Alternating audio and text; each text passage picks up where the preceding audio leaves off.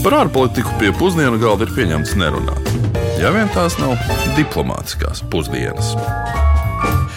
Esiet sveicināti diplomātsko pusdienu klausītāji. Kā katru nedēļu pusdienu ceļojumā uz kādu no pasaules valstīm jūs aicinām mēs, Uģis Lībijams, Latvijas radio un dr. Kārls Bukovskis no Rīgas Stradiņu Universitātes un Latvijas ārpolitikas institūta. Jā, labdien! Nu, kā jau pagājušā raidījuma noslēgumā Tuģi teica, tad šodien dosimies uz Ziemeļāfrikas valsti Tunisiju. Un interesanti, ka par šo valsti runājam neilgi pēc tam, kad mūsu valstī ir sākusies kārtējā nu, lockdown vai mājasēde, kā viņu tulko. Un, kā jau mēs pieminējām, precīzāk, ko tu kā pieminēji, tad šī gada jūlija beigās Latvija tieši Tunisijā nosūtīja vairāk nekā 50 tūkstošu AstraZeneca vakcīnu dēlu. Nu, gan tas tika darīts, gan lai pildītu starptautiskos solījumus, palīdzētu nabadzīgākām valstīm, un tur, protams, cepur nos par to, bet arī, lai neaizlaistu postā ar visu Eiropas valstu centieniem izcīnītās vakcīnas priekš mums, par kurām mums pašiem tajā brīdī jau interese bija diezgan zema. Un turklāt vēl arī, protams, jāņem vērā tas, ka vakcīnām sāka beigties derīguma termiņš. Respektīvi, ja mēs bijām gatavi vakcīnas faktiski aizlaist vējā, nu, tad Tunisija tās ar prieku pieņēma. Un rezultātā, ja jūlijā sākumā Tunisijā bija vairāk nekā 8000 inficēšanās gadījumu dienā, tad tagad šis skaitlis ir nu, aptuveni ap 50. Un nāves gadījumu skaits arī ir samazinājies no aptuveni 200 dienā līdz aptuveni 15, 20, pirms uh, apmēram nedēļas pat tie bija tikai divi. Un šeit ir jāpiebilst, ka no vairāk nekā 8 miljoniem izlietoto vakcīnu vairāk nekā 6 miljonus Tunisijai ir dāvinājuši tieši ārvalsts. Nē, nu šī fona, aizdomājoties, tie 50 tūkstoši, varbūt tās neliekas daudz, bet nu, tie varēja būt 25 tūkstoši sapultēti Latvijas iedzīvotāji. Bet, nu, kā mēs jau esam mūsu raidījumos nereti secinājuši, ka bieži vien salīdzinām dažādu pasauļu, vai dažādu valstu un dažādu domāšanas veidu problēmas. Un tas, pret ko viens cīnās, otram liekas nevajadzīgs vai nevēlams. Pat, nu, pamatot vai nē, nu, tas jau ir pilnīgi cits jautājums. Tik tālu esam iesildījušies ar vakcīnām, bet tagad ir pienācis laiks noskaidrot, ko tad par Tunisiju zina mūsu klausītāji Rīgas ielās. Ar ko jums asociējas Tunisija? Tunisija pagaidām padomā. Oi, nu kaut kādi krāsaini tērpi sievietēm, gari plivojoši. Um, nē, esmu bijusi ar kaut kādiem dīvainiem mēdieniem droši vien. Tunis ir galvaspilsēta. Tūkstnesi, beduīniem, kamieļiem. Ar smilšu kāpām, plikām. Nu, tukšums izdedzis tāds tā kā. Ar, ar mežiem zaļiem kaut kādiem džungļiem. Magrib valsts, Ziemeļāfrika, Kartāga. No seno laika tādiem teikt pieminekļiem. Vidus jūra. Sākās tas nožēlojamais arābu pavasars, kas ir tikai novedis pie sabrukuma visur, nevis pie kaut kādiem ieguvumiem. Savas geogrāfiskās atrašanās vietas dēļ mūsdienu Tunisija jau gadu tūkstošiem ir bijusi politisko un ekonomisko notikumu centrā. Un, protams, agrāk daudz pazīstamāka bija leģendārā Kartāga un arī tās karavadonis Hannibals.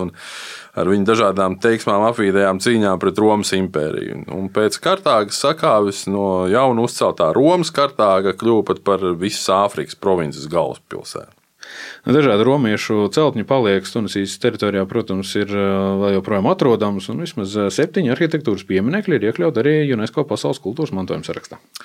Jā, romieši kopumā valdīja Tunisijas teritorijā aptuveni 800 gadu, tad viņiem sekoja Arābija, Otomaņu impērija un arī Francija, kuru, kura Tunisija iekaroja 1881. gadā un no kuras Tunisija neatkarību ieguva 1956. gadā. Šo neatkarības kustību vadīja Habibs Burgība, kurš sākotnēji bija premjerministrs un pēc tam vesels 30 gadus arī prezidents. Viņa valdīšanas laikā Tunisijā tika izveidota gan spēcīga izglītības sistēma, tika attīstīta arī valsts ekonomika, ieviesta dzimumu līdztiesība un arī pasludināta neitrāla ārpolitika. Bet te gan ir jāpiemina, ka nu, vēlāk gan tika izveidots visai pamatīgs uh, burbuļsaktas personības kults, un 75. gadā viņš pasludināja sevi par prezidentu uz mūžu. Lielākajā daļā autoritāro un totalitāro režīmu šie personības kulti valsts attīstībai vai valsts attīstības, latviešu izsakoties, promotēšanai, tomēr ir tikuši radīti, bet, nu, protams, jāņem vērā, ka ir arī visādas blakus parādības. Un Tunisijas gadījumā visai izteikta kļuva dažādu preču un pakalpojumu sniegšana apmaiņā pret politiskiem pakalpojumiem. Nu, faktiski korupcija, jeb tā saucamais klientelisms, kas skāra ļoti plašas valdošās elites aprindas un ielaida tik dziļas saknes, ka ar tām Tunisija cīnās vēl šobrīd. Jā, Habibu Burgivu amatā nomainīja, nu, ja pareizāk sakot, būtu teikt, valsts apvērsumā gāza Zina Labedins Ben Ali, arī bijušais premjerministrs. Nu, Prezidentu vienkārši pasludināja par darboties nespējīgu, tad, kad viņam bija pasliktinājusies veselība. Un ekonomikas ziņā Benāli arī īstenoja ievērojamas reformas, visai strauji palielinot valsts izaugsmes rādītājus, piesaistot investīcijas. 20 gadu laikā ik gadu ekonomika auga par aptuveni 5%, un IKP uz vienu iedzīvotāju patiesībā trīskāršojās. Nu, vienā brīdī Tunisija pat kļuva par nu, konkurētspējas rādītājos pirmo valsti Āfrikā un arī 32. pasaulē. Tas ir ļoti augsts rādītājs. Mm, jā, bet kā, kā jau parasti ir arī bet. Bet Benālī režīmu uzskatīja arī par vienu no nedemokrātiskākajiem un autoritārākajiem režīmiem. Un dažādas represijas pret režīmu pretiniekiem, spīdzināšanas, politisko brīvību neievērošana, diskriminācija, prezes brīvības apspriešana dabiski, protams, bija redzama un ikdienišķa parādība. Taču, acīm redzot, arī tam bija savs robežas.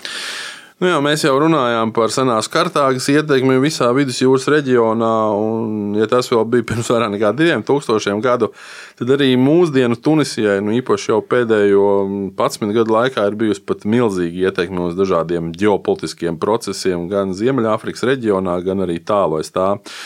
Un, tāpēc, ka tieši Tunisijā 2010. gada 17. decembrī kāds ielu tirgonis vārdā Mohameds Boazizi protestējot pret valdības korumpētību, izdarīja pašnāvību aizdedzinoties. Un šis traģiskais notikums piesaistīja uzreiz daudz cilvēku uzmanību un aizsāka plašas pret valdību un prezidentu Benālī vērstas demonstrācijas, kas kļuva pazīstams kā Jasmīna revolūcija. Nu, Jasmīna revolūcija gan pašu tunisiešu acīs tiek uzskatīta kā ārzemnieku dots nosaukums, kā ievazāts nosaukums, jo tobrīd neviens no ne par kādiem jasmīniem domājis nemaz nesot. Un, jebkurā gadījumā toreiz simtiem cilvēku gāja bojā sadursmēs ar policiju. Benālī pēc 23 valdīšanas gadiem devās trimdā, bet demokrātisko protestu vilnis kļuva par daudz plašāku fenomenu, ko mēs tagad zinām kā arābu pavasari, un visbiežāk mēs to pieminam, protams, Sīrijas un Lībijas gadījumos.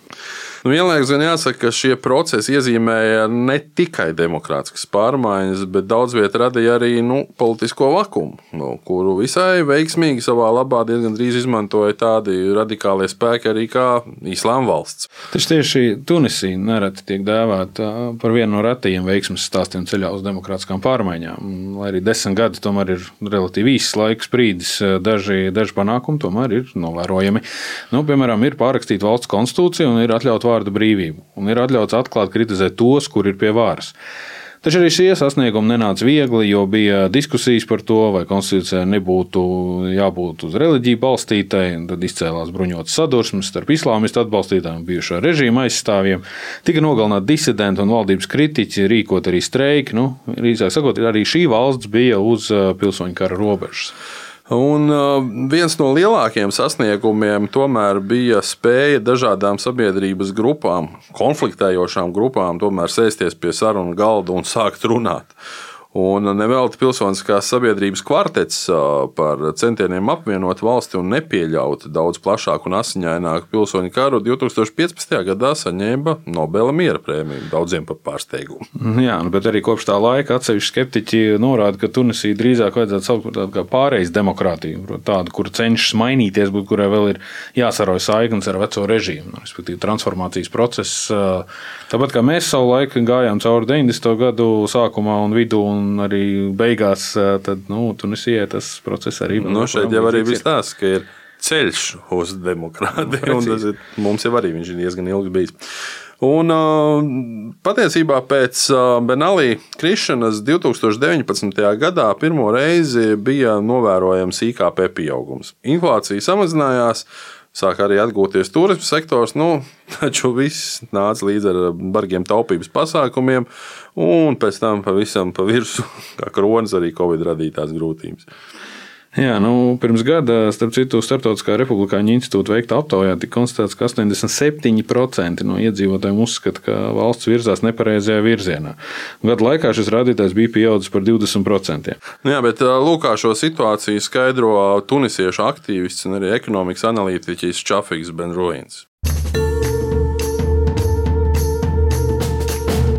When you see Atskatoties uz pirmajiem protestiem, nedrīkst aizmirst, ka tie arī noteica turpmākās revolūcijas virzienu.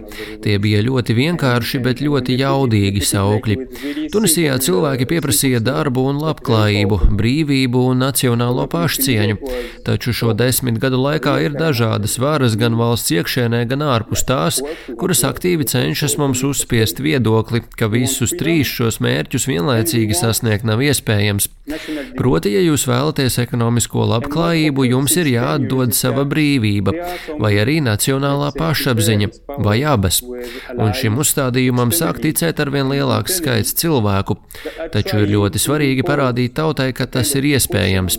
Ja tas ir bijis iespējams citās pasaules malās, tad tas ir iespējams arī Tunisijā un visā mūsu reģionā.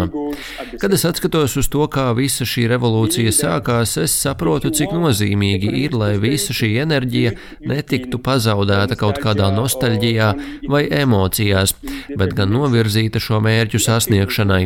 When you look at the, the historical perspective of the revolution since 10 years, Atskatoties uz šiem desmit revolūcijas gadiem, ir jāatceras, ka jau kopš 2013. gada mēs esam pakļauti Startautiskā valūtas fonda struktūrālo reformu programmai.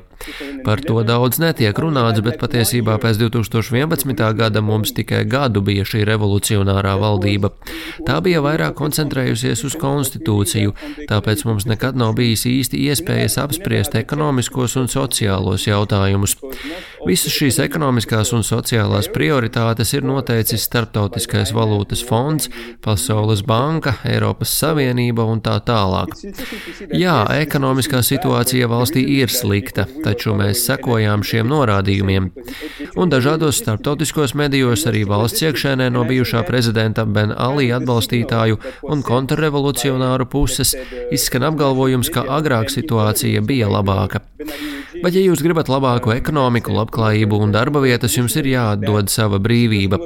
Līdz ar Covid situācija ir kļuvusi ļoti sarežģīta, un, ja mēs vēlamies atbalstu no ārpuses, mums šīs reformas ir jāuztver nopietni un tās ir jāievieš. Bet mēs joprojām cīnāmies un mēģinām pretoties šīm reformām, jo mums patiesībā nemaz nebija laika apdomāt, kā mēs paši gribētu attīstīties. Un tas nozīmē, ka mēs joprojām cīnāmies. So meaning that we're still in the struggle now. Nu, vēl kas atlicis, protams, ir pieminēt arī tas, ka valdībām acīm redzot, ar ekonomiskās situācijas uzlabošanu nav visai labi gājis, ja drīkst tā izteikties. Un pašlaik IKP Tunisijā uz vienu iedzīvotāju ir nedaudz virs 3400 eiro. Kas, starp citu, ir svarīgi pieminēt tikai to, ka faktiski Latvijai ir apmēram reizes 4,5 lielāks IKP uz vienu iedzīvotāju, bet arī to faktu, ka vēl gadu pirms tam iepriekš arī pašai Tunisijai bija lielāks aptuveni par 300 eiro augstāks rādītājs lielākais IKP uz vienu iedzīvotāju. Un, tāpēc arī nav nekāds brīnums, ka daudz cilvēki absolūti vēlas darba vietu radīšanu, samazināt bezdarba līmeni. Nu, bieži vien pat ir gatavi arī samierināties vai teikt, pievērt acis uz augstu līmeņu korupciju vai cilvēktiesību pārkāpumiem, ko ir pastrādājis savulaik Benālī režīms. Lai cik būtu paēdis, vienmēr ir vieta arī desertam. Varbūt mūsu klausītāji jau ir pamanījuši, bet uh, reiz reizē mēs savos raidījumos pieminam šo to no kino pasaules, un uh, arī Tunisijas gadījumā desertā mēs pievērsīsimies tieši kino. Nu, man, piemēram, uzreiz nāk prātā filma Gladiators, kur amfiteātra cīņās tiek izspēlēta romiešu uzvara pār Kartāgu. Šeit arī interesanti, ka tieši Tunisijā ir viens no lielākajiem amfiteātriem, kas ir Āfrikā atrodams. 36,000 cilvēku varot ievietot. Bet um, par populāriem izklaides objektiem, un, uh, parādībām un kultūras uh, fenomeniem. Ka, fenomeniem un uh, kanoniem runājot, uh, ir viena tāda leģendāra filmu sāga, kurš neviens nav dzirdējis par viņu, bet saucās Zvaigžņu kari. Un, uh, lai varētu šķist, ka notikumi notiek kaut kur kādā tālā, tālā galaktikā, reāli zvaigžņu kara fani var apmeklēt, piemēram, Lukas Skywalker dzimto vietiņu. Un uh, Lūks Skywalkers nāk no izdomātas uh, Tatuīnas planētas, kuras nosaukums īstenībā ir aizgūts no Tunisijas pilsētiņas uh, Tatuīnas. Jā, turisma kompānijas organizē arī ekskursijas pa bijušajām filmēšanas vietām, daudzas no kurām gan vietējie, gan starptautiskie filmu fani aktīvi cenšas pasargāt no smilšu vērtām un no kāpu pārvietošanās. Un tāpat ir iespējams palikt pa nakti, piemēram, arī Lūks Skywalker bērnības mājā, ko tagad sauc par viesnīcu Sididrīs. Bet, nu, Uz to mēs arī šodienas raidījumu par Tunisiju beigsim, lai pēc nedēļas dotos jau citā ceļojumā uz kādu attālu salu valsti, Klusajā okeānā. Un dosimies uz Kiribati republiku. Te, protams, jāņem vērā, ka tas galvenais un centrālais konteksts būs laika zonas, laika joslas, laika stundas mainīšana, kas mums būs jāveic nākamajā nedēļā. Bet līdz tam klausieties gan šo, gan mūsu iepriekšējos raidījumus Latvijas radio arhīvā vai podkāstu straumēšanas platformās nu, kontekstuāli, lai vakcīnas spēks ir ar jums. Diplomātiskās pusdienas katru otrdienu pusdienos Latvijas Radio 1.